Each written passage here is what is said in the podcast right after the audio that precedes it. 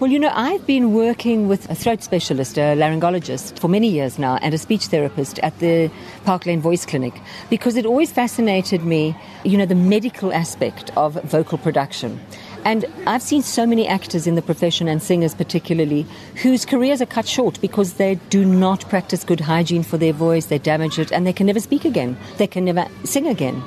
And so I, I, just started going to that and, and, and, wanted to learn more about the anatomy. And now I rehabilitate voices, and that's a big part of my life. So my MA I did on giving voice to Mandela, which was a, a case study of my work with Idris Elba to become Nelson Mandela. And it was a study of my practice and my methodology and how he assimilated it.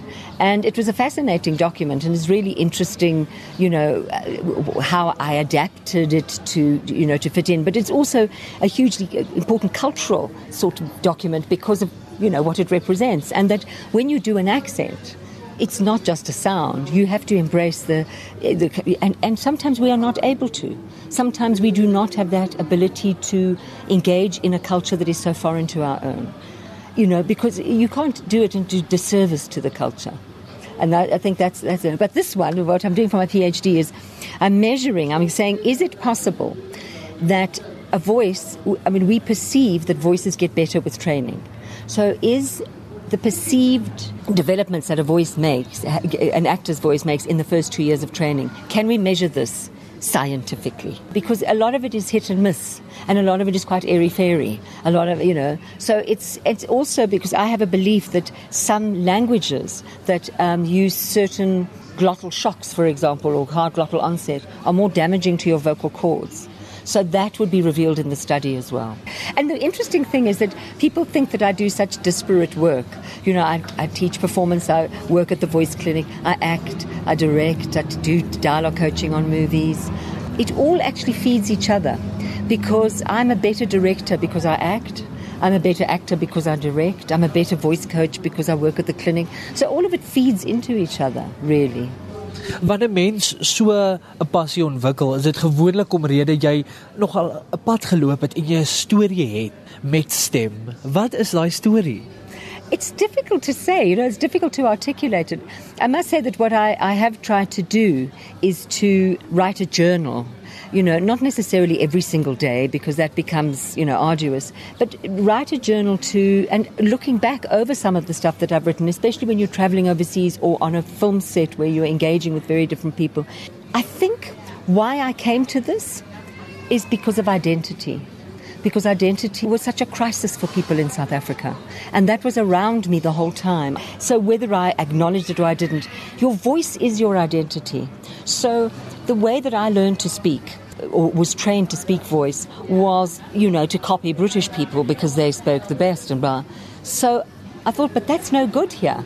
It's no good in South Africa. So I went to England and I studied a little bit and I came back. And so my aim is how to enhance every single person in South Africa, 12 different languages, how to enhance those accents in when they're speaking. I just want people to to have the best sound they, can, they are capable of. It's not to change the sound. And I think that sometimes I want to take that stigma away from voice training because it's not you know, it's not trying to sound copy anybody else. It's to actually liberate the actual sounds in yourself that are unique to you and just would make you sound so much better. Dink jy dat daar 'n verlies is in die industrie waarin jy werk, veral wanneer dit kom by stemwerk? I think that post 1994, particularly because of our 12 official languages, because of the stigma that voice training has had, and because it, it's difficult for text work or narrative work to work in a cross cultural way, whereas movement, physical theatre, dance, uh, music crosses those barriers much more easily.